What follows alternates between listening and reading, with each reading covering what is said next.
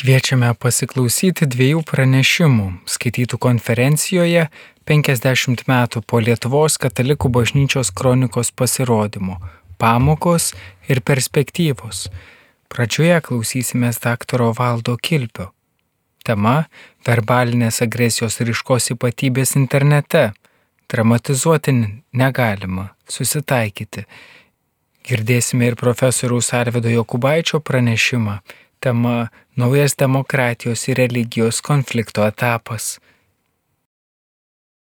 Labadiena. Jeigu pasižiūrėtumėte tuos lapelius, kurie padėti ant stalų, pamatytumėt, kad trūksta kablelio. Tai mano pranešimas ir bus turbūt vienas iš bandymų tą kablelį padėti. Kita vertus visai tikėtina, kad ta kablelio vieta vienoje ar kitoje vietoje jį padėjus mes problemos neišspręsim nes visi dabar esam paieškų kelyje, savo laiku Lietuvos katalikų bažnyčios kronika buvo puikus ir pasiteisinęs sprendimas, bet e, dabar e, dabarties gyvenimas kelia naujus iššūkius, su kuriais verta ir būtina dorotis dabar ir nelaukiant. Tai medijų plėtra dabarties laiku tapo dideliu iššūkiu, sėtinu su praktiškai visomis žmogaus gyvenimo sritimis. Skaitmeninė tikrovė braunasi žmogaus ir sąmonėn ir pasąmonėn, keičia jo pasaulio suvokimą, santykių su aplinka ir vertybių sistemą, neišskiriant ir tikėjimo reikalų. Kita vertus, tam tikra konfrontacija tarp pasaulio logikos ir evangelinės žinios egzistavo ir egzistuoja nuo seno. Tai kaip ir anksčiau, šiandieninis pasaulis, gyvendamas savo laikmečio dvasia, susiduria su krikščioniška žinia, kurios turinys gerokai skiriasi nuo postmodernaus pasaulio, pavadinkime, vertybių. Ir taip ir gimsta ta konfrontacija, kurios viena iš apraiškų yra verbalinė agresija, kuri reiškiasi internete. Disertacijos rėmose atlikau empirinius tyrimus, kurie įgalino užčiuop tam tikras tendencijas, identifikuot stipriausias antikrikščioniškos verbalinės agresijos paradigmas Lietuvos internetinės žiniasklaidos ribose ir padaryti šiokius tokius apibendrinimus. Bet e, kai mes pradedam kalbėti apie medijas, kai niekada svarbu yra susitart dėl terminologijos. Pirmiausia, kas yra ta antikrikščioniška verbalinė agresija? Ne? Jeigu tyriam verbalinę agresiją internete, tai ką dera tirt? Ar dera tirt patį medijų turinį, ar visgi vartotojų asmeninės ypatybės. Nes jeigu kalbam apie ankstesnius, pavadinkim, kronikos leidimo ir platinimo laikus, galima identifikuoti tam tikrą televizijos ir spaudos prievartą arba kažkokių alternatyvių informacijos e, šaltinių nebuvimo. Vartotojas buvo maitinamas vienpusišką informaciją, o dabartiniu metu negali taip sakyti. Kiekvienas yra laisvas pasirinkti naujųjų medijų siūlomus tekstus, vaizdus, Todėl e, kritišką protą išsaugojęs tikintysis vargu bau ar skaitys tai, kas jam arba žiūrės tai, kas jam yra nepriimtina. Tai dažnu atveju prieš klimstant e, infobrusgynuose svarbu paranka turėti veidrodį ir pasižiūrėti į paklausiant savęs, ar iš tiesų man šita informacija yra reikalinga ir naudinga. Grįžkim prie tyrimo. Kokius antikrikščioniškosios verbalinės agresijos desningumus pavyko aptikti? Pradėkim nuo svarbiausio - turinio verbalinės agresijos turinio. Atlikus laisvos formos ekspertų interviu, tai yra kokybinį tyrimą, jo rezultatai atitiko ir kiekybinio tyrimo rezultatus, nes buvo atlikta trijų didžiausių Lietuvos naujienų portalo turinio analizė kompiuterinėmis programomis. Tai, žodžiu, pavyko aptikti tris pagrindinės internete reiškiamos agresyvios antikrikščioniškos minties paradigmas. Pirmoji ir pati stipriausia yra sėtina su gyvybės kultūros problematika. Tai yra visa tai, kas siejasi su abortais, šeimos samprata, dirbtinio apvaisinimo tematika, embriono likimo reikalai. Tai pirmoji paradigma. Antroji apima bažnyčios kaip institucijos ir atskirų jos narių, pirmiausia kunigų ir viskupų, veikimo valstybėje. Tai čia papuola nu, įtoka politiniams procesams, turto tvarkymo reikalai, kažkokie individualos bažnyčios tarnų veiksmai. Ir trečioji, tas teminis blokas visi tie klausimai koreliuoja, pavadinkim, su dogmatika. Tai yra, kuo tikėt, kaip tikėt, ar tikėt ir apskritai, ar verta tai daryti. Tai dabar apie kiekvieną iš šitų paradigmų plačiau. Pirmasis gyvybės kultūros teminis blokas yra vienintelis, kuriame verbalinės agresijos apraiškos gali būti vadinamos koordinuotom. Turinio analizės programos aiškiai parodė, kad čia Seime ir apskritai svarstant kažkokius rezonansą keliančius įstatymus dėl abortų, apvaisinimo, porų sugyvenimo reikalų, naujienų portaluose padidėja tendencingų antibažnytinių tekstų. Tuo tarpu, kalbant apie antrąjį teminį bloką, bažnyčios kaip institucijos ir jos atskirų narių, pirmiausia kunigų ir viskupų veikimo valstybėje, didesnių desningumų atsekti nepavyko, nebent tuo atveju, kada jis koreliuoja su pirmoju teminiu bloku ir kada pritrūksta argumentų, pereinama prie pačios bažnyčios ir jos tarnų smerkimo.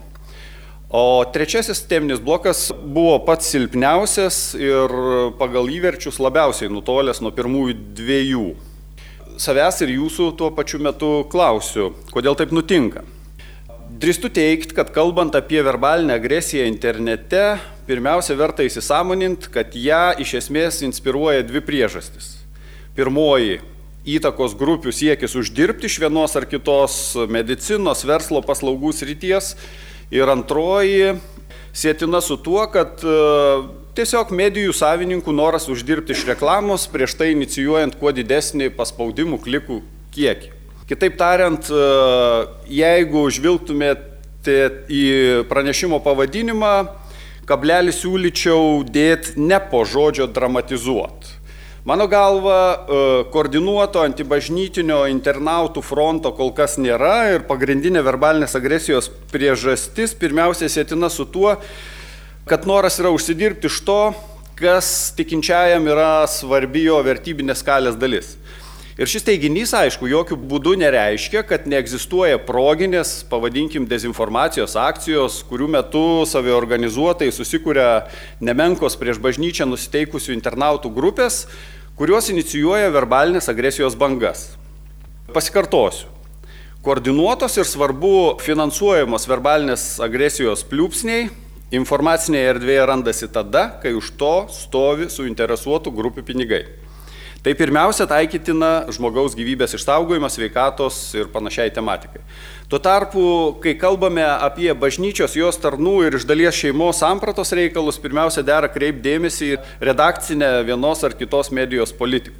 Kas nusekliai skaito didžiuosius Lietuvos portalus ir kitas medijas, be, be vargo gali atsekti kiekvieno iš jų nusiteikimą bažnyčios ir tikinčiųjų atžvilgių. Tad dramatizuoti neverta, bažnyčia, kunigai, viskupai, vienuoliai savaime yra gera tema naujienų portalams, nes jie turi tam tikrą, pavadinkim, pikantiškumo aspektą, kuris generuoja paspaudimus klikus. Medijų dėmesys yra garantuotas bet kokiam garsesniam ir negatyvų atspalvį turinčiam įvykiui, poelgiui ir panašiai, jei jame figūruos bažnyčios žmogus. Ir jeigu Lietuvoje rastųsi dar viena institucija, bendruomenė ar kokia nors draugija, asociacija ar kas bebūtų, kuri taip nuosekliai kaip bažnyčia ir ilgą laiką laikytųsi savo įsitikinimų, kurie ne visai atitinka bendrai mąstymo ir veikimo vektorių, užtikrinu jį sulauktų nemažesnio dėmesio. Įdomi situacija klostosi su trečiuoju teminiu bloku. Pasikartosiu, tai tekstai, vaizdai ir kita internete skelbiama informacija, kurioje nagrinėjami tikėjimo klausimai. Tyrimas parodė, kad ta kritika antibažnytinė irgi pakankamai silpna, bet čia truputėlį susidurėm su kitokiu pobūdžio dalyku. Susidurėm su situacija, kada koks nors prieš tikėjimą nusteikusio autoriaus, blogerio ar panašiai bandymas kalbėti teologiniam temom iš anksto yra pasmerktas nesėkmiai dėl to autoriaus analfabetizmo. Net esminiai krikščionybės pagrindą sudarantis teiginiai dažniausiai yra tam autoriui nesuprantami, negirdėti ir, nu, žodžiu, bėda. Tarkim, kokį čia pavyzdį pateikus. Nu, kai kalbam apie bažnyčią, dažniausiai suprantama, kad bažnyčia yra pastatas.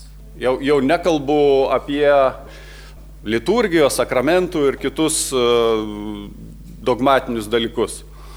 Todėl adekvati diskusija ir priešinimasis tokio pobūdžio verbaliniai agresijai iš esmės yra neįmanomas. Ir šitoje vietoje, grįžtant prie pavadinimo reikalų, aš dėčiau kablelį tikrai po žodžio dramatizuoti. Dramatizuoti verta. Nes sunku susitaikyti su tokiu neišmanimu apie tikėjimo, bažnyčios, krikščionybės prigimti. Nes bažnyčios žmonės tiesiog neturi su kuo kultūringai diskutuoti. Paradoksaliu būdu, kalbant apie trečiąjį teminį bloką, adekvati verbalinė agresija internete gal net ir būtų lauktina. Čia darau tokį, klausiu savęs ir jūsų visų tokį keistą klausimą užduodu. Nes kitu atveju tolydžio didėjantį vienas kitų nesupratimo bedugnė atves prie situacijos, kai dialogo galimybė bus nulinė vien dėl to, kad skirtingos pusės bendrauja visiškai viena kitai nesuprantamomis kalbomis. Tiesą sakant, dažnu atveju būtent taip jau ir nutinka. Ypač jeigu turime omenyje pirmojo teminio bloko, tai yra gyvybės kultūros problematika. Rasti sąlyčio taškų dažnu atveju neįmanoma ne todėl, kad trūksta geranoriškumo ar, ar kažko, bet dėl to, kad stovima ant absoliučiai skirtingų pagrindų ir kalbama yra visiškai skirtingomis kalbomis neįmanomas tampa ne tik dialogas, bet apskritai susikalbėjimo galimybė tampa neįmanoma. Šitoje vietoje būtina dar kartą grįžti prie laisvės problematikos, apie ją čia nemažai kalbėta. Tai ten, kur viešpatauja melas ir noras manipuliuoti, be abejo laisvės nėra. Panašiai laisvės nėra tenai, kur sklando neapykanta, kur į kitą asmenį žvelgiama tik kaip į konkurentą, kur pats žmogus tampa daiktų. Ir laisvė niekint kitą žmogų ir jo įsitikinimus įtin paplitusi net e, demokratinėmis save laikančiose valstybėse, kurios deklaruoja laisvę, įtin branginančios. Ir vėl susidurėm su piktojo gudravimu, kai šio laikiniam žmogui pakišama netikroji laisvės samprata ir jos realybė, bet pakaitalas kažkoks protezas. Ir kai žmonės nesuvokia tiesos ir gėrio esmės, praranda ir tikros laisvės supratimą tyčiotis iš žmogaus iš ir jo tikėjimo, ko gero, yra pati atgrasiausia sintetinės fiktyvios laisvės apraiška, e, už kurią mokama ir bus mokama didelė kaina. Valstybių ir konkrečių asmenų istorija šimtus kartų patvirtina šitą universalų bendrabuvę dėsnį. Nėra patyčių, kurios lieka be atpildo ir vienintelis būdas to išvengti yra klausyti savo sąžinės. Bet e, čia ne vieta moralizavimui, einam prie šiokių tokių išvadų. Kaip jau supratot, kabrelio problemos sprendimas yra negalutinis, diskutuotinas ir atviras. Bet kalbant apie naujųjų medijų įtaką, dera prisiminti atspirties taškus darybės, kuriomis remiantis naujųjų medijų vartojimas tarnaus ne tik stipresniam Dievo garbės kelbimui, bet ir bendruomeniniam sugyvenimui. Išskyriau tris svarbiausias - drąsa, apdairumas ir nusaikumas. Turim puikų pavyzdį Lietuvos katalikų bažnyčios kronika, kuri šitas visas darybės įkūnyje. Drasa. Pasiryžimas ir drąsa liūdį tiesą yra esminis kiekvieno krikščionio skiriamasis bruožas. Drąsa nereiškia betodairišką ir nuolatinę reakciją susidūrus su netiesos sakymu naujosiuose medijose, tai yra neišvengiamas dalykas. Tačiau įsipareigojimas būti drąsiu ir liūdį tiesą nebuvo ir tikiu niekada nebus atšauktas. Apdairumas. Kiekvienas tekstas, vaizdas ar kitokio pobūdžio informacija yra sukurta dėl kažkokio tikslo. Pinigai, gale arba priešingai geri dalykai. Todėl viską dera apdairiai vertinti kaip daugia prasme, tačiau galiausiai dvi prasme darinį. Vardan ko ir kam tarnauja ta ar kita informacija - gėriui ar blogiui. Ir nuosaikumas Naujųjų medijų paveikumas, gebėjimas įtraukti visą asmenį jau seniai yra žinomas ir moksliškai pagrystas. Kiekvienas tikintysis prieš žengdamas į šią dinamišką ir vis dar menkai krikščioniškai apmastytą ir įvertintą sritį turėtų aiškiai apsibriežti savo buvimo ten ribas. Turiu aišku įsitikinamą, kad nuo šitų trijų darybių praktikavimo kablelio vieta pavadinime priklauso labiausiai. Ačiū. Girdėjome daktaro Valdo Kilpio pranešimą verbalinės agresijos ryškos ypatybės internete dramatizuoti negalima susitaikyti. Netrukus išgirsime profesorių Alvidą Jokubaitį. kuris kalbės apie naują demokratijos ir religijos konflikto etapą. Lenkų filosofo Lešeko Kolakovskio nuomonė, Belnes išbandė keturias kovos su krikščionybė strategijas. Savo kovą jis pradėjo nuo pirmųjų krikščionių persekiojimo. Tačiau kankinių kraujas sustiprino bažnyčią. Patyręs pirmą didelę nesėkmę, pikto genijus perėjo prie kitos strategijos, kurią galima vadinti teokratiniu bažnyčios gundimu. Jei buvo siūloma politinė valdžia. Nepaisant dalinės šio gundimo sėkmės, bažnyčia, bent jau vakaruose, pajėgė atsispirti karaliavimo žemėje pagundai. Keršydamas už nesėkmę, Velnes griebėsi dvigubos smūgio strategijos. Jis pasiūlė suvalstybinti religijas pagal kujus regio ejus religio principą ir kartu skatino antireliginę apšvietą. Atsirado liberalus įsitikinimas apie individuo pirmenybę prieš Dievą. Atseit, Dievas taip stipriai myli žmonės, jog leidžia jiems negalvoti apie nuodėmės ir prasižengimus. Paskutinius du amžius Velnes taiko ketvirtąją kovos strategiją. Jos brutalumą patyrė Lietuvos katalikų bažnyčios kronikos leidėjai. Nusižiūrėjęs iš krikščionybės, Velnes sugalvojo teokratiją imituojančias ideologinės valstybės. Sovietų valdžia negalėjo pakesti, jog lietuvių sielas valdytų Roma, o ne Maskva. Katalikai susidūrė su kovinga ateizmą išpažįstančia politinė religija. Klaidinga būtų manyti, kad su Sovietų sąjungos žlugimu baigėsi ketvirtosios velnio strategijos taikymas. Nesunku pastebėti, kad dabartinis politinis gyvenimas toliau priklauso nuo ideologinių pasidalėjimų. Bet kuri rinkimus laimėjusi partija ir koalicija šalį verčia gyventi pagal savo įsitikinimus. Panašiai kaip kryžiaus karų laikais valstybės tautos ir partijos – siekia įtvirtinti savo tiesą. Sovietai naudojo smurtą ir buvo pasiruošę kalėjimuose supūdyti kitaip manančius. Dabar politinės tiesos įtvirtinimo priemonės švelnesnės. Anksčiau liberalai mane, jog valstybė turi būti grindžiama bendru sutarimu, o ne ideologija. Dabartiniai to nesilaiko ir bet kokiomis priemonėmis siekia savo pasaulyje žiūros pergalės. Taip darydami jie nesiskaito su kitaip manančių piliečių įsitikinimais. Kiekviena santvarka turi savo autoritarinius variantus ir liberalizmas nėra išimtis. Ankstesnių laikų liberalai norėjo pašalinti politinius ir kultūrinius konfliktus. Dabartiniai tapo jų didžiausiais kuriejais. Žodžiais gindami toleranciją jie vis labiau nurodinėja, kas ir kaip turi būti toleruojama. Akivaizdu, jog tai netolerancija, o apsišvietusi despotija. Kolakovskio pasiūlyta velnio kovos su krikščionybė tipologija šiandien turi būti papildyta naujų veiksnių. Velnes keičia veiklos strategiją. Jis dabar stoja į laisvės gynėjų gretas, tikėdamasis laimėti nesibaigiančią kovą su krikščionybės išpažintojais. Matydamas smurto, persekiojimų ir suvaržymų politikos nesėkmę, Velnes po sovietiniais laikais griebėsi naujos strategijos. Jis tapo liberalas, su vis didesniu polinkiu į anarchizmą. Pasigirdus klausimui apie gėrį, Velnė žino tik vieną atsakymą - laisvė. Neįmanoma kalbėti apie gėrį. Panašiai, panašiai kaip anksčiau bažnyčia piknaudžiavo savo vienvaldystę, dabar tai daro liberalai Velnes sukeitė figūrą šachmatų lentoje.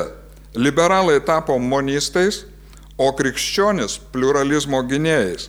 Dabar ne bažnyčia, o liberalai patiria teokratinį gundimą. Katalikai šiandien geriau supranta politinio liberalizmo reikšmę negu liberalai. Pastarieji nori iš prigimties laisvų žmonės išlaisvinti remdamėsi valstybinės valdžios gale iš prigimties laisvus žmonės išlaisvinti, remdamėsi valstybinės valdžios gale. Žvelgiant iš istorinės perspektyvos, sovietinė valdžia buvo nenusekli krikščionybės persekiotoja. Komunistai nors ir formaliai pripažino religijos laisvę. Mūsų dienomis pikto genijus taiko naują strategiją. Permaina prasidėjo nuo vis dar nenutylančio ginčio dėl šeimos Konstitucinio teismo teisėjai pateikė tokį platų šeimos apibrėžimą, juk pasidarė neaišku, kuo šeima skiriasi nuo kitų aš ir tu santykio formų. Lietuviai šiandien jau nežino, kas yra šeima, moteris, vyras ir santoka. Velnes stengiasi priartinti religijos laisvės pabaigą ir todėl kuria žodžio religija neaiškumą. Sekantis etapas, manau, kad bus šitoj e, vietoj. Lietuviai seniai religiją vadina krepšinį, o per pandemiją jie buvo pavirtas mokslas. Velniui dabar užtenka pasakyti, jog religija be Dievo, tai yra ateizmas, taip pat vadintinas religija. Šeimos sampratos keitimo stiliumi galima pradėti diskusiją apie religijos laisvės pašalinimą ir įrodinėti, jog demokratiniai visuomeniai užtenka pažiūrų laisvės ir nereikia ginti atskiros religijos laisvės. Kai Lietuvos krikščionis nesustodami prašo nekurti alternatyvių šeimos sampratų, liberalai juos nekreipia dėmesio, nes jie jiems yra tik krepšinio sirgalių klubo analogas.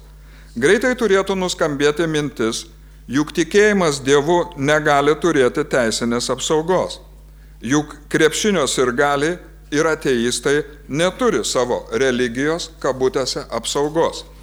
Istoriškai religijos laisvė atsirado kaip reformacijos laikų konfliktų sprendimo padarinys. Nesibaigiančių karų akivaizdoje buvo nutarta religijos išpažinimą paversti pagrindinę žmogaus teisę. Šiandien Velnes pastebėjo krikščionių abejingumą savo tikėjimo gynimui. Palyginus su musulmonais ar judaizmo išpažintojais, krikščionys kantriai nutylė savo tikėjimo pažeminimą. Jie bando save apginti teisinėmis priemonėmis, tačiau įstatymų leidyba yra jų oponentų rankose Dabartinių visuomenių įstatymus leidžia krikščionybę suprasti nenorintis parlamentarai. Samoningai didinamas pagrindinių žmogo apibūdančių savokų neiškumas. Panašiai kaip dingo šeimos sampratos aiškumas, dabar gali dingti religijos sampratos aiškumas. Sunykus vienam religijos, šeimos ir autoriteto trejybės elementui, grėsmė iškyla likusiems. Šiandien vis labiau pasiklystame abstrakcijų labirinte ir vis sunkiau randame kelią į tikrovę. Velnes toliau bando pasinaudoti ideologinės valstybės galimybėmis. Liberalai jau buvo suradę, jau buvo suradę taikaus skirtingų įsitikinimų žmonių sugyvenimo būdą. Dabar jie pasidarė panašus į karingojo ateizmo atstovus. Prie to prisideda visos mūsų politinės sistemos sąranga. Eidami į rinkimus, politikai prieš savo valią turi būti kvazi religiniais misionieriais, tai yra žadėti pasaulio išganimą. Katalikų sakramentinė šeima tūkstantmečius gyvavo be valstybės paramos. Dabar liberalų ginama šeimos pamėgdžiojama turi įtvirtinti ir saugoti valstybę. Susidurėme su liberalios demokratijos prieštaravimu. Liberalai turi žadėti, ką nors išlaisvinti, nes kitaip pralaimės rinkimus. Jie žada kokios nors grupės išlaisvinimą politinio liberalizmo principų paminimo sąskaita. Tarp parlamentinės demokratijos ir liberalizmo ryškėja prieštaravimas. Demokratinės kovos už valdžią logika liberalus verčia per valstybę įtvirtinti tai, kas klasikinio politinio liberalizmo požiūriu turi būti palikta asmenims ir jų bendravimui. Anksčiau liberalai sakydavo, kuo mažiau valstybės. Dabar jie sugeba veikti tik per valstybę ir įstatymų leidybą. Valstybė pradėjo reguliuoti tiek daug žmogaus gyvenimo aspektų, jog XIX amžiaus pirmos pusės baudžiauninkai pradeda atrodyti kaip su valstybė išimtinėmis progomis susidūrė liberalai. Kodėl racionalizmų garsėjanti vakarų civilizacija staiga prarado elementariausių dalykų supratimą? Renesanso laikais krikščionybei buvo priekaištaujama dėl jos fantazijų apie nematomus dalykus. Modernieji filosofai ir mokslininkai žadėjo remtis faktais ir parodyti tikrai pasaulį. Tačiau šio pažado rezultatas priešingas. Mes jau nežinome net to, ką žinojo mūsų pirmtakai. Mokslų grindžiamos vakarų civilizacijos žmonės nebežino, kas yra šeima, moteris ar religija. Modernusis menas šiandien net vaizduoja pasaulį, bet kuria atskirą prasmių tikrovę. Ta pati galima pasakyti apie politiką. Parlamentarai nereprezentuoja piliečius, kaip oficialiai teigiama, bet įrodinėja savo pačių reikalingumą. Kartais atrodo, jog pagrindinių naujausios velnio kovos su krikščionybės strategijos tikslu yra skirtumo tarp tikrovės ir fantazijos pašalinimas. Miestų aikštės tapo pležais, parlamentai teatrais, o teatrai bažnyčiomis. Po išorinių vakarų mokslo ir praktinio gyvenimo racionalizmo velnės skatina neregėtą nuprotėjimą. Kolakovskio atidžiai tyrinėtas velnės šiandien vadovaujasi tinka bet kas anything goes strategija. Nelieka darybė ir ryda, ištikimybė ir išdavystė, meilė ir pornografija skiriančios ribos. Žadėjusi pasaulio pažinimą ir tai dalinai įgyvendinusi, modernioji kultūra pamažu virsta dideliu moraliniu pasimetimu. Kai kas nors Franco Kafkos metamorfozės herojaus stiliumi šiandien sako atsibūdęs vabalu, šį dalyką turime pripažinti kaip tikrovę. Ir to sargyba jau išstatyta politinio korektiškumo kariuomenė. Remiantis naujausią velnio strategiją, turi nelikti abejonės dėl žmogaus galimybės būti vabalu. Gyvendami pažangos karalystėje, moderniai žmonės prarado elementarių dalykų supratimą Įvažiuojant į Lietuvą jau galima statyti stendą. Visos kombinacijos įmanomos, svarbiausia brūkšnys nesiliauti kombinavus. Pagrindinių rūpeščių yra pabėgimas nuo tikrovės. Į Dievą tikintis krikščionis jau yra ne kvailiai, kaip jiems žadėjo Paulius, šventas Paulius, bet pagrindiniai nuo žmogaus nepriklausomos tikrovės gynėjai. Dievo religijų ir vadinamųjų politinių religijų arba ideologijų konfliktas įžengė į naują etapą. Ankstesnių laikų liberalai mane, kad politika turi būti mažai reikšmingų žmogaus gyvenimo aspektų. Dabartiniai siekia reguliuoti visas žmogaus gyvenimo sritis nuo miegamojo iki karsto. Laisvės gynėjai vis labiau tampa fanatikais. Jie užmiršo savo pirmtakų pažadą išlaisvinti piliečius nuo valstybės kišimosi į žmogaus gyvenimą. Jeigu parlamentiniai daugumai netikėtai kiltų mintis arklį padaryti parlamentaru, parlamente būtinai turėtume arklių. Jeigu ateistai pradės reikalauti ginti religiją be Dievo, tai yra ateizmą, parlamentarai būtinai taps jo gynėjais. Neliko ekstravagantiško sumanimo, kurio nenorėtų ginti politikai. Baigė sunykti bažnyčios kaip išskirtinės institucijos suvokimas. Liko vien tik tikintis ir netikintis individai. Bažnyčia suvokiama kaip filatelistų ar šachmatų klubo atitikmuo. Šventojo rašto žodžiai Dievas pašaukė šventėjimui, o nesusitepimui, suvokiami kaip persils kalba švariau atitikmuo. Liberalai net nebando suprasti savo skirtumo nuo tikinčiųjų ir užsispyrę bando jos perauklėti. Politinių lygmenių liberalai turi gyventi pagal tos pačius principus kaip ir neliberalai. Valstybė negali teikti pirmenybės nei katalikybei, nei kokiai nors politiniai ideologijai. Liberali politika savo vardą pateisinti gali tik neleisdama savo įsitikinimus primesti valstybės jėga. Politinis liberalizmas sugalvotas ne kokiai nors ideologijai skleisti. Jo tikslas sažiningas laisvų ir lygių piliečių sutarimas dėl bendros politinio teisingumo koncepcijos. Lietuvos katalikai šiandien su baime žiūri į parlamentą, nes šis nepaiso nešališkumo principo. Tai ryškiai rodo eksperimentų su šeima ir jos pakaitalais atvejais. Anksčiau moralinio nesutarimo situacijoje viską palikdavę visuomeniai, liberalai dabar pirmiausiai griebėsi valstybės. Katalikai tūkstančius metų savo šeimos sampratą puoselėjo be valstybės pagalbos. Liberalai viską pradeda nuo jos įsikišimo. Turime kiekvieną politiką, kiekvieną politikų įgeidį per koalicinius žaidimus tenkinti pasiruošusią valstybę. Tai nuvertina geranoriškumą. Tarytum būdamas homoseksualas, kaimynas negali būti tiesiog kaimynas ir geras žmogus. Jį būtinai norima padaryti priklausomą nuo politikų kalbų apie jo homoseksualumą. Valstybė formuoja jai patinkančiais rakursais pasirodančius piliečius. Dviem moterims ar vyrams apsikabinus, jaunimui pirmiausia kyla mintis apie homoseksualumą, o ne draugystę. Kolakovskis be kitų dalykų parašė straipsnį, kuris vadinasi Metafizinė Velnio spaudos konferencija Varšuvoje 1963 m. gruodžio 20 d. stenogramą. Savo spaudos konferencijoje Velnes sakė nebijęs nerimto dabartinių žmonių požiūrių į jį. Cituoju, pirmą kartą gyvenime cituoju Velnę. Cituoju, man nerūpi mano egzistavimo pripažinimas. Man tik rūpi mano naikinimo reikalo įgyvendinimas. Neįtikėtinas dalykas. Velnės sako tiesą, kas yra akivaizdus jo prigimties neigimas. Ne tik eiliniai piliečiai pasirodo, bet ir piktoji dvasia nebeturi aiškaus elementariausių dalykų supratimo. Laisvė tampa net velnio vienintelio geriu. Pikto genijus pradeda pripažinti tik tai, kas nauja, ekstravagantiška ir supriešina.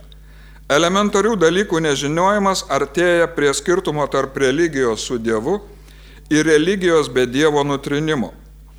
Sovietmečiu buvo kuriamas komunizmas.